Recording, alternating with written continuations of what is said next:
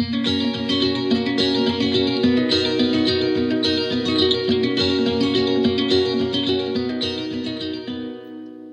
til Danske Bankers, podkasten for deg som vil vite hva som rører seg i markedet fra uke til uke.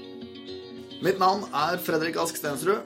Det er 2019, og tilbake i studio har jeg med meg vår sjefstrateg Christian Lie. Velkommen og godt nyttår, Christian. Jo, godt nyttår, og takk for det. Vi skal jo ikke endre oppsettet på denne podkasten, selv om det er et nytt år. Eh, og før vi gjennomgår de viktigste sakene som har skjedd denne uken, og de viktigste tingene som skjer neste uke, så pleier jeg å legge fram noe fakta. Og i lys av at vi nå har en halv måned dyttet ansiktet fullt av julevarer, og for noen av oss noen edle dråper fra Vinmonopolet òg, så tenkte jeg at jeg skulle presentere noen fakta om overvekt. Så da vil jeg gjerne fortelle deg at eh, våre gener de står for rundt 70% av vekten vi utvikler. De resterende 30% de kontrollerer vi selv. Det er hjernen og ikke magen som forteller oss når vi bør stoppe å spise. Og folk som spiser foran TV-en, de kan faktisk glemme hvor mye de har spist. Og dette er også et eh, problem for de med demens, som fortsetter å spise fordi de ikke husker at de har spist. Rike menn har større sannsynlighet for overvekt enn eh, menn som ikke er rike. Mens kvinner har dermed større sannsynlighet for overvekt dersom de er fattige. Eh, en 32 år lang studie viste at man har 57% større sjanse for overvekt om man har en venn som er overvektig.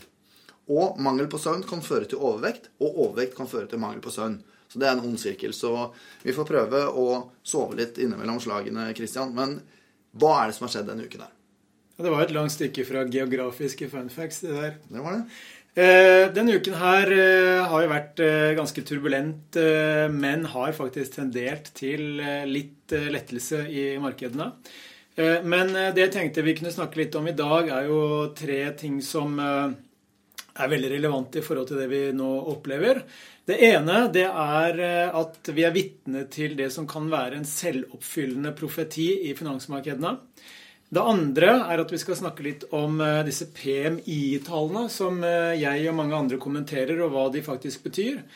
Og nummer tre hvorfor vi i Danske Bank tror på positiv aksjeavkastning i 2019. Det liker vi. Når det gjelder det første, dette med selvoppfyllende profeti, så vet vi at mye av eh, turbulensen i fjoråret var relatert til frykt for svakere vekst i verdensøkonomien, spesielt da med tanke på de skuffende tallene vi har fått fra USA og Kina.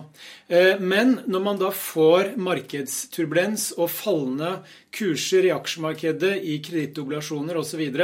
som en følge av dette, inkludert også politisk risiko, vi skal jo ta med det, så bidrar det til at eh, ting kan rett og slett bli verre og gå inn i en negativ spiral. Det vil si at vekstutsiktene kan svekkes fordi vi opplever markedsturbulens.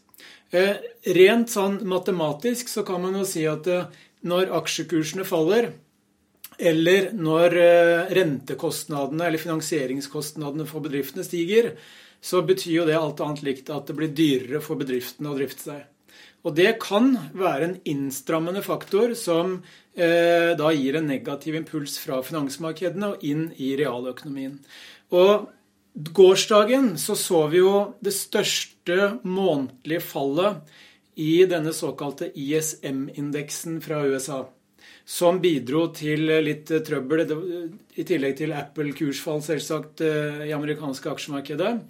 Eh, men når det gjelder denne eh, ISM-en, så sier selskapene som da blir spurt i denne spørreundersøkelsen, at markedsturbulensen er en av de faktorene som gjør dem litt mer bekymra.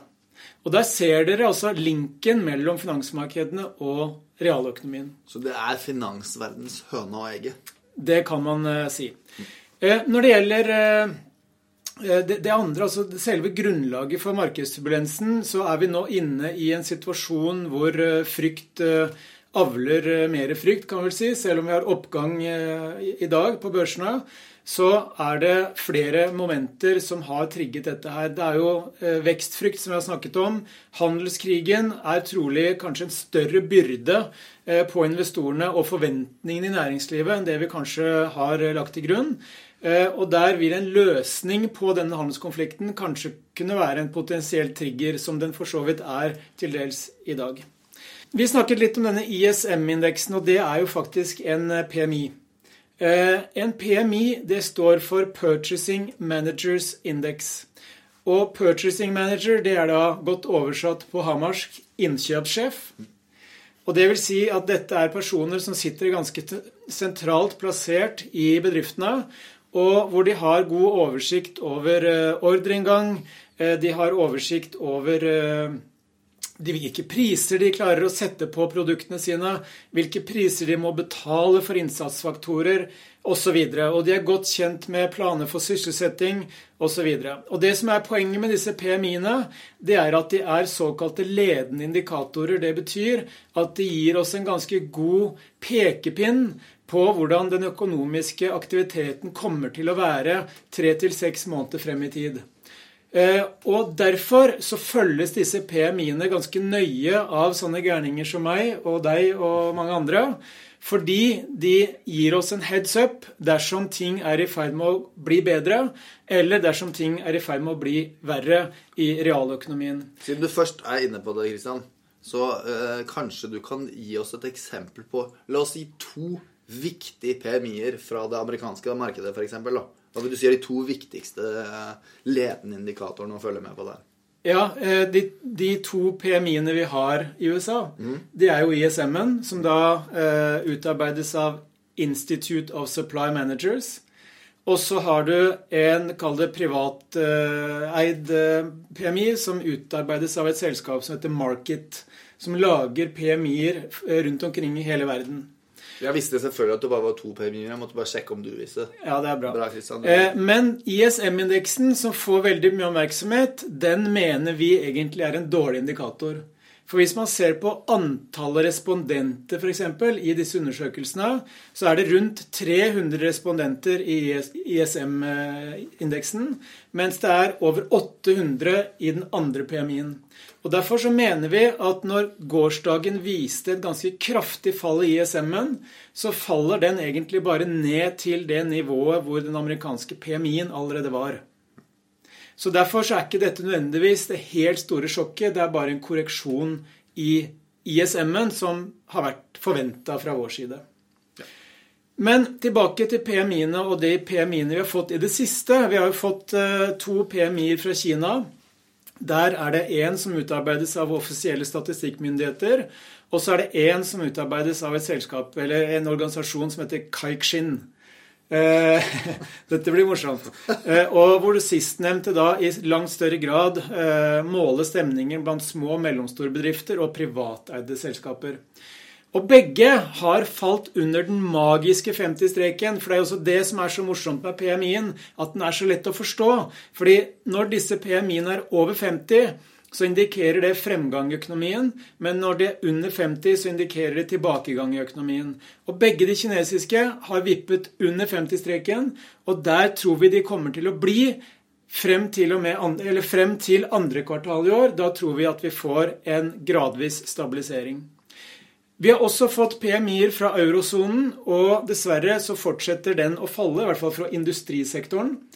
Eh, og faktisk har den falt sammenhengende siden januar i fjor, med unntak av i juni. Da var det kanskje litt sånn sommeroptimisme å spore. Men gjennomgående svak utvikling i PMI-en i Kina, eurosonen og nå sist altså i USA. Men når du sier det her Det høres jo ikke så ekstremt positivt ut, dette, Christian. Og det siste punktet er jo hvorfor vi fortsatt tror på positiv aksjeavkastning i 2019. Så hvordan har det seg? Jo, det høres kanskje ut som en motsetning. Men det vi tenker, det er at ting kommer til å bli litt verre før det blir bedre. At disse PMI-ene kommer nok til å fortsette å svekke seg gjennom første kvartal. Men så ser vi noen eh, triggere som kan utløse en bedring både i sentimentet i finansmarkedene, men også i økonomien gjennom året. Når det skjer, er jo selvsagt vanskelig å si, men det vi tror kan være med på å utløse i hvert fall en positiv impuls, det er de kinesiske myndighetenes stimulanser. Vi vet jo at myndighetene har begynt å stimulere gjennom de siste kvartalene, men det tar litt tid før disse synes i de, i de økonomiske tallene, bl.a. i de velkjente PMI-ene, som vi begynner å bli veldig glad i nå. Så vi tror at fra og med andre kvartal så vil vi begynne å se at disse stimulansene begynner å få en effekt. Og det kan eh, være veldig positivt eh, for stemningen i finansmarkedene. Det andre, den andre triggeren som vi ser bidrar til eh, løft i aksjemarkedene i dag, det er fremgang i handelsforhandlingene mellom USA og Kina. Og vi forventer en avtale i løpet av første halvår, bl.a. fordi vi mener spesielt Trump nå har langt større insentiver til å inngå en avtale enn det han har hatt tidligere. Fordi hva er det som har løftet oppslutningen om Trump på meningsmålingene tidligere? Jo, det har jo bl.a. vært en veldig sterk amerikansk økonomi og stadig nye toppnoteringer i det amerikanske aksjemarkedet. Der har eh, ting snudd, for å si det litt mildt, i hvert fall når det gjelder aksjemarkedet. Og vi har også sett svakhetstegn i amerikansk økonomi. Og er det én ting Trump trolig ønsker i forkant av presidentvalget i 2020, så er det å ha medvind i økonomien og i aksjemarkedet bak seg. Det andre, som kan også være viktig for Trump i forhold til forhandlinger med kineserne, det er jo at en handelsavtale vil f.eks. kunne inkludere at kineserne øker importen sin av bl.a. jordbruksråvarer fra USA, naturgass osv. fra en del av disse såkalte vippestatene. Dvs. Si stater hvor Trump er avhengig av å ha medvind og godvilje og det som er nedoverbakke for å få oppslutningen rundt sitt eh, kandidatur til å bli gjenvalgt. I tillegg så vet vi at kineserne trolig også på sin side ikke ønsker en eskalering av handelskrigen og en ytterligere svekkelse av sin egen økonomi. Og de vil trolig også ha insentiver til å imøtekomme Trump på en del områder. Ikke alle, men i hvert fall noen. Og så er det også slik at selv om verdsettelsen av aksjer ikke nødvendigvis har så mye å si for avkastningen på kort sikt, så vet vi at når prisingen av aksjer kommer ned, og det skulle komme gode nyheter, eller i hvert fall fravær av dårlige nyheter, så kan det friste investorer til å hoppe inn i aksjemarkedet igjen. Og en nylig statistikk viser at siden 1990 så har globale aksjer bare vært billigere i 28% av tiden enn det den er i dag. Så ting kan selvsagt bli billigere fortsatt, eh, men vi mener at har man liksom tre, fem eller ti års tidshorisont, så er det ikke sikkert dette er så dumt investeringstidspunkt eh, å, kjøpe aksjer eh, på. Så vi tror at 2019 eh, vil fortsatt være vanskelig og turbulent, men vi mener at etter hvert så er det grunnlag for positiv avkastning i aksjer. Og vi skal ikke glemme at to år på rad med negativ avkastning i aksjemarkedet, det har historisk bare skjedd i resesjonsperioder, og vi tror ikke på resesjon. Det er vakkert. Så kort oppsummert da fra din lange innledning for hva som har skjedd denne uken, så kan vi si at fokuset fortsatt som det var i 2018 også nå er på Kina og på Trump, og du er fortsatt like nerd som du var i fjor. Så da er spørsmålet hva er det som skjer neste uke?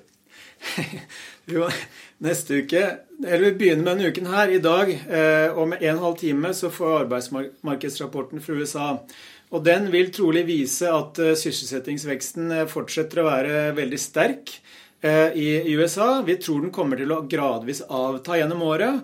Eh, men likevel så vil også være fokus på lønnsveksten, som det pleier å være. Og den eh, forventer eh, konsensus, som det heter, altså gjennomsnittet av analytikere, vil havne på rundt 3% så ikke noe sjokk der. Mandag så får vi en ny PMI. Er det ikke herlig? Det er ISM-indeksen for servicesektoren i USA.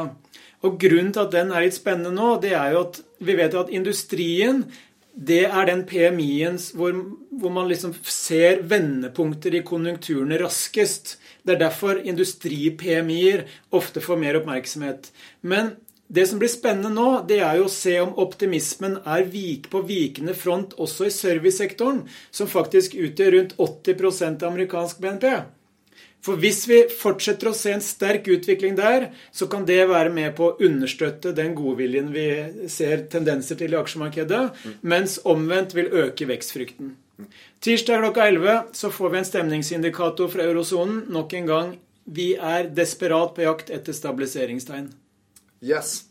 Jeg skal som vanlig oppsummere de tre viktigste tingene for neste uke og ta markedsbevegelse de siste fem dager. Men nå var jo ikke det her på siste podkast før nyttår, Kristian. Vi, må, vi skal selvfølgelig nå starte Aksjeolympiaden 2019. Men må vi oppsummere fjoråret? Eh, jeg kan gjøre det raskt. Men vi skal i hvert fall nå konkurrere gjennom hele året. Christian. Vi har eh, ca. fem indekser som vi kan velge mellom. Vi må ta en posisjon hver uke. Vi må også bytte posisjoner eh, hver uke. Eh, vi kan både gå long, altså kjøpe, og vi kan gå short, vi kan selge. Så vi kan tjene både på oppoverveien og på nedoverveien. Og dette er selvfølgelig bare et spill. Men for fjoråret, i hvert fall Jeg skal ikke gå inn på detaljene nå. Men eh, du har mulighet for å gjøre det bedre i år, Kristian. Det var så, jo veldig snilt sagt av deg. Ja, Så da er spørsmålet for uke Heter det uke én eller uke to nå? Det heter uke én. Men det er uke to du skal ta en posisjon for. Hva slags posisjon ønsker du for kommende uke?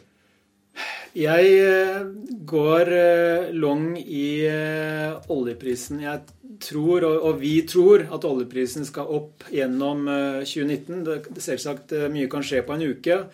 Og jeg har jo notorisk bommet på oljeprisveddemålene mine.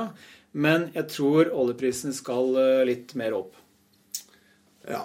Eh, det var et fristende bet for meg òg. Jeg gjør noe som har en viss korrelasjon. Jeg går long i Norge. Da tar jeg markedsbevegelse de siste fem dager. OSBX opp 2,5% SMP 500 i USA ned 0,8% Eurostock 600 i Europa opp 1% og oljeprisen opp 5% De viktigste sakene for neste uke er selvfølgelig da senere i dag, eller når dere hører på denne podkasten, så har antageligvis allerede kommet, men det er arbeidsmarkedsrapporten fra USA som kommer halv tre fredag, altså i dag. Eh, så får vi på mandag klokka fire ISM fra servicesektoren fra USA. Og på tirsdag klokka 11 så får vi stemningsindikator fra eurosonen. Det var alt vi hadde i årets første episode av Danske Bankers. Vi høres.